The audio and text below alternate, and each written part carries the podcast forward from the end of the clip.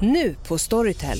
Försvarsadvokaten Lydia Levander får chansen att lösa sitt största fall genom att försvara en misstänkt mördare. Hur långt är hon och kollegorna på advokatbyrån Pegasus beredda att gå? Fallet Mikaela. En ny deckare från succéförfattaren Anna Bågstam. Lyssna nu på Storytel.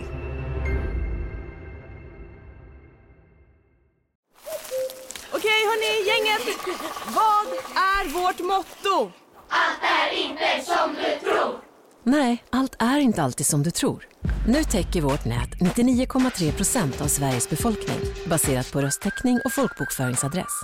Ta reda på mer på 3.se eller i din 3-butik. Big Mac har miljarder fans över hela världen. Under mer än 50 år har den skapat popkulturell historia. En legend med 100% nötkött och den mytomspunna såsen. Nu finns Big Mac för bara 39 kronor på McDonalds. Hej och välkomna kära lyssnare till vårt allra första uppföljningsavsnitt. You lucky people. Det är jag, Alex, som kommer leda er genom dagens avsnitt. Och idag ska jag berätta om lite spännande information vi fått angående de tre unga män som tillsammans med en bil försvann spårlöst 1965 från en central adress i Göteborg. Men först, vad är ett uppföljningsavsnitt? Jo, det är exakt vad ni vill eller gör det till. Vi kan ta upp era tankar och diskussioner som hålls på våra sociala medier eller som skickas till vår mail. Och vi kan exempelvis kolla hur det går i något av de fallen vi tagit upp tidigare. Eller så kanske ni önskar ett kort avsnitt om någonting som ni tycker är intressant. Kom med förslag vet jag. Men nu tycker jag att ni ska luta tillbaka i soffan. Eller om ni gör någonting annat som att diska eller köra bil så hoppas jag att ni är redo. För det här är Tyst vittne.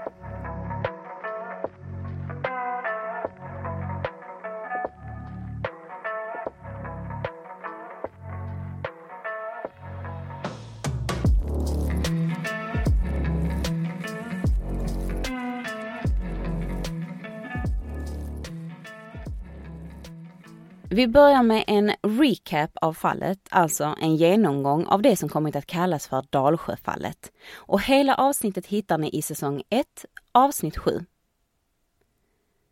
På Café Morden i stadsdelen Haga på Landsvägsgatan 24 i hörnet till Frigångsgatan i Göteborg den 29 juli 1965 befann sig tre unga män.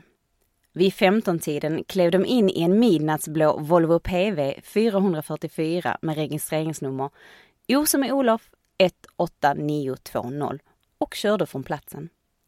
Man har fram till dagens datum aldrig hittat de unga männen eller den Volvo de körde i. Deras försvinnande är ett av Sveriges största mysterium. Jag ska berätta lite om de tre männen som försvann. Jan-Olof Dalsjö föddes 1944 och var 21 år den sommardag i juli när han försvann. Han bodde tillsammans med sin mamma, fru Inge Dalsjö och två yngre bröder på Haga Östergata 5 David. Jan Dalsjö hade även två äldre bröder som inte bodde hemma och den blå Volvon ägdes av honom. Men den var skriven i hans storebrors namn, alltså Bengt Dalsjö.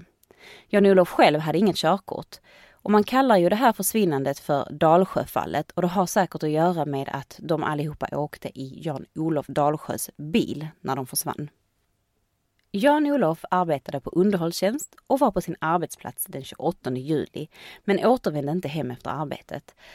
Alltså såg han senast av sin familj på morgonen den 28 juli. Jan-Olof hade en innestående lön som han aldrig hämtade ut och hans mamma hämtade till slut ut den. Han var klädd i en brun kostym, ljusblå strumpor och svarta skor när han försvann. Han tog varken med sig sitt pass eller sin sjömansbok. Enligt hans mamma så ringde Jan-Olof alltid om han inte skulle komma hem och det var inte likt honom att bara försvinna sådär. Och han ska även ha nämnt för sin familj under den 28 juli att han antagligen tänkte åka till Åsa som är då ett område och kampa med vänner. Kjell-Åke Johansson föddes 1949 och var bara 16 år vid försvinnandet. Han växte upp på Haga Östergata 20 och bodde senare på Lantmätaregatan 12C i Bremmaregården. Och han bodde med sina föräldrar och två yngre syskon. En kort period så bodde Kjell-Åke på Haga Östergata 12 med sin äldre bror Putte i en tvåa på andra våningen. Men 6 till 8 veckor innan Kjell-Åke försvann så flyttade han ut från lägenheten och hem igen efter ett gräl med Putte. Kjell-Åke hade få nära vänner och brukade hålla till på Café Morden och Rio som hade enarmade banditer, roulette och film. Han hade nyligen fått barn och skulle flytta ihop med sin flickvän Rosmarie. Men av okänd anledning verkade inte den här relationen riktigt fungera.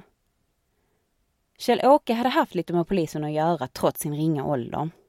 1965 i juni, alltså en månad ungefär innan försvinnandet, omhändertogs han två gånger för fylla. Kjell-Åkes syster Anna har inte hört av honom sedan den här sommaren 1965 och hon tror inte att han självmant skulle ha hållit sig undan sin familj i så här många år. Den 29 juli gick Kjell-Åke hemifrån för att gå till sitt jobb men han kom aldrig dit. Han var klädd i en grå Glencheck-kavaj, svartrödrutig skjorta, grå byxor, ljusblå strumpor och svarta skor. Han hade 100 kronor på sig och en nyckel till lägenheten på Brämmaregården. Han hade inget pass. Och han ska, precis som Jan-Olof, ha, ha nämnt då att han skulle åka och campa på Åsa. Den tredje av männen var Guy Roger Karlsson som var 22 år gammal vid försvinnandet. Han föddes den 25 mars 1943 i Mölndal, Göteborg. Vid försvinnandet var Guy skriven på Risåsgatan 9C i Kommendansängen. Guy hamnade också i lite klammer med rättvisan. Den 9 juni 1965 greps han av polis misstänkt för olovlig körning samt rattfylleri då han kraschade en bil när han var påverkad. Guy och en av hans vänner greps också mitt under ett inbrott i juli månad samma år. Guy ska tidigt på morgonen den 29 juli ha befunnit sig på Arbetsförmedlingen för tillfälliga jobb som då låg på Värmlandsgatan. Och det finns källor som antyder på att det skulle kunna vara den 28 juli som han faktiskt var där. Han ska i alla fall ha fått ett jobb av en man som kom körande i en röd lastbil och den här mannen ska ha varit i 40 till 50 års åldern. Och som ni minns så 29 juli är den här dagen då de faktiskt försvann. Så då skulle han då varit på den här platsen tidigt på morgonen. Guy var troligtvis klädd i svart skinnjacka och blå jeans vid försvinnandet. Han kan också ha haft en trenchcoat på sig. Alltså får jag bara säga, de klär sig, eller klädde sig, skitsnyggt. Alltså när jag, jag hade nästan kunnat klä mig i deras kläder. De är så coola. Men i alla fall tillbaka. Roger Dalsjö, lillebror till Jan-Olof Dalsjö, är den sista personen som såg de två, de tre männen när de körde iväg i Volvon. Och Roger har sagt att han aldrig har hört av sin bror igen efter det. De tre männen var av arbetarklass och hade för vana att, ja, åka iväg, komma tillbaka lite som de kände för. De hade ju haft lite trubbel med myndigheter och någon av dem hade varit till sjöss. Så strax efter försvinnandet så blev det liksom ingen stor grej av det här. Det tog flera månader innan man faktiskt började ta det här på allvar och oroa sig. Och även när man då hade insett att de faktiskt var försvunna så var det inte personer som prioriterades av myndigheter. Och det finns ju såklart flera olika teorier om vad som kan ha hänt, så jag tänkte nämna de allra vanligaste här. En teori är att de av någon anledning försvann frivilligt.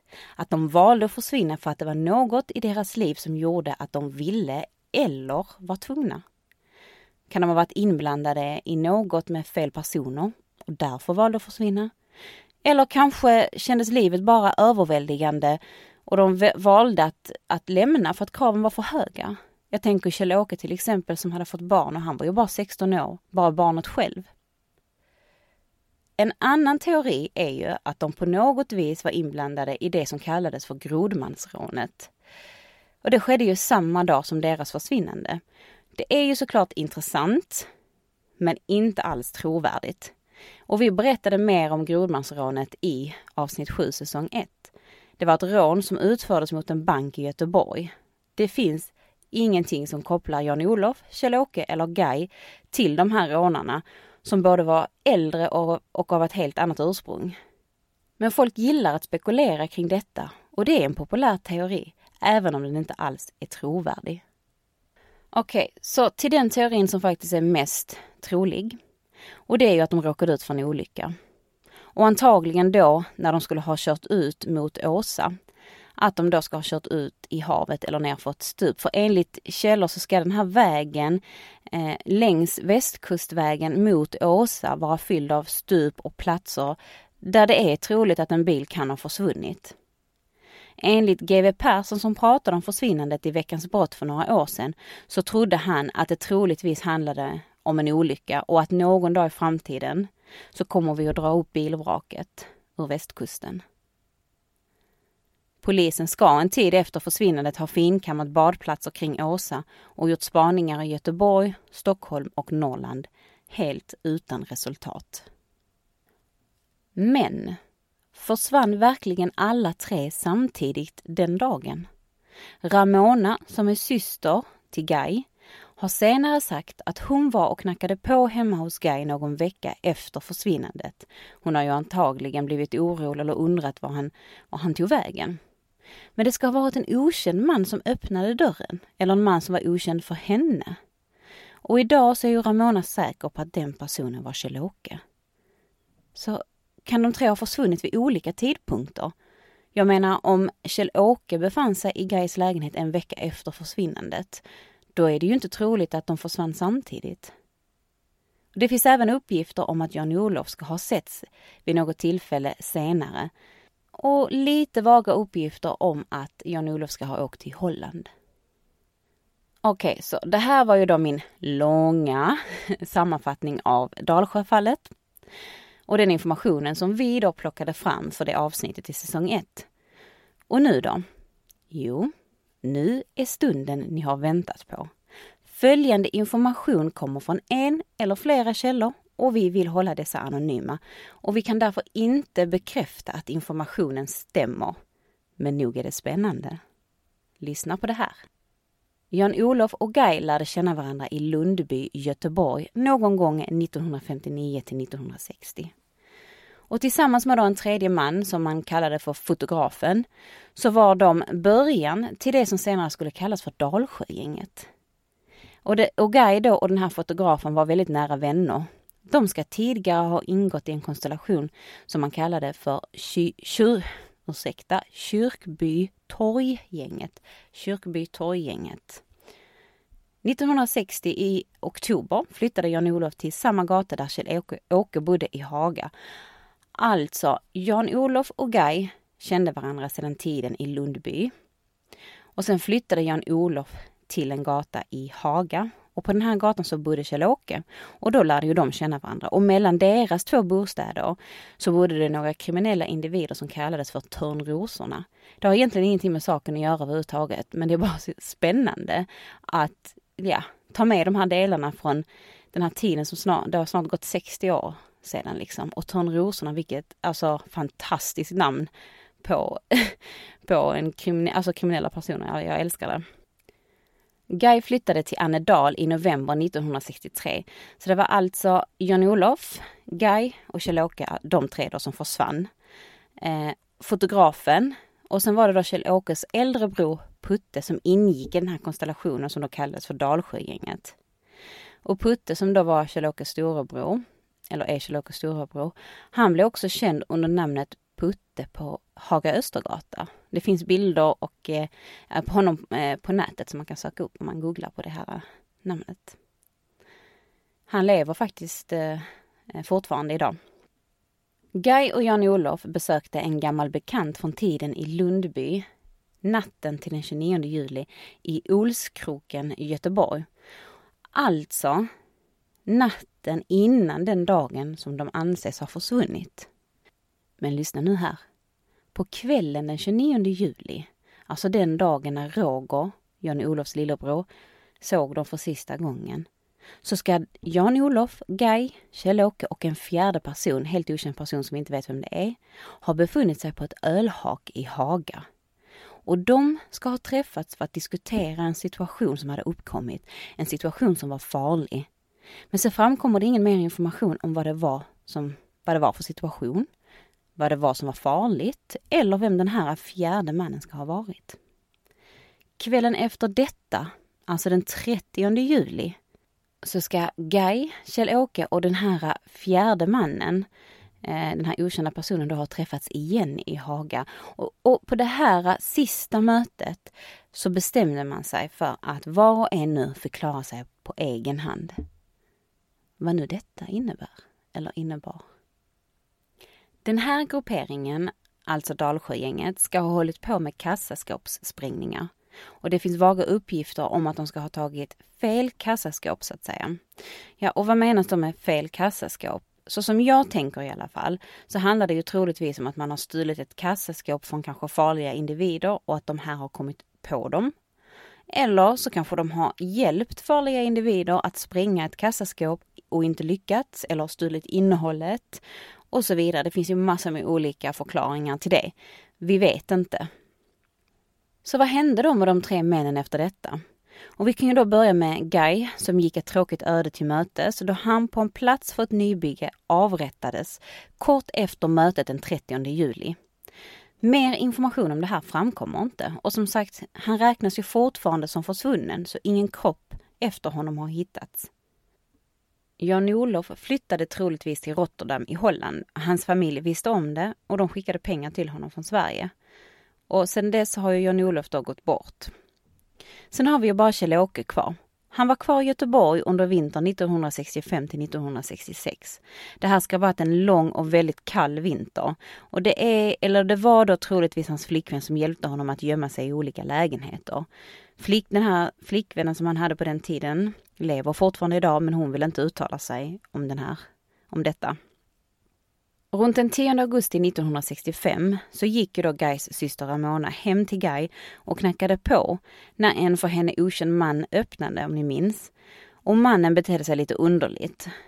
Och 2009, alltså 44 år efter det här, så ska den här systern ha identifierat den okända mannen som Kjell-Åke. Och det genom att hon har fått se en bild på Kjell-Åke och kunde säga, ja men det var ju, det var ju han. En kvinnlig bekant såg sen Kjell-Åke på Liseberg 1966 när vintern var över. Och en annan kvinnlig bekant ska ha sprungit på honom i Linköping 1972. Men man tror att Kjell-Åke kan ha lämnat Sverige vid något tillfälle. Däremot så kom han ju tillbaka men man vet ju inte när och man vet inte var han var. Men vad som sen hände Kjell-Åke är det ingen som vet. Jan-Olofs, Kjell-Åkes och Gais öden är och förblir ett mysterium. Den blå Volvon har aldrig setts igen. Och vad hände egentligen männen? I somras så var det 57 år sedan de sågs i Volvon av Roger. Så vad tror ni som lyssnar på detta hände? Både jag och Jenny är supernyfikna på att höra vad ni tror, för det här mysteriet har gjort oss helt tokiga.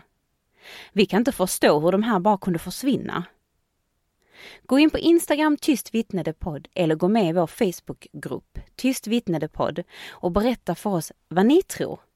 Vi kommer skapa en diskussionstråd på Facebook där ni kan skriva eller skriv till oss privat om ni vill via DM eller mail på tystvittne.se där ni för övrigt också hittar våra källor. Så med det här lilla mysteriet i tankarna lämnar jag er nu för att fortsätta er dag. Tack för att just du lyssnar på Tyst vittne. Vi hörs nästa vecka. Hej då. Bye. Toodles.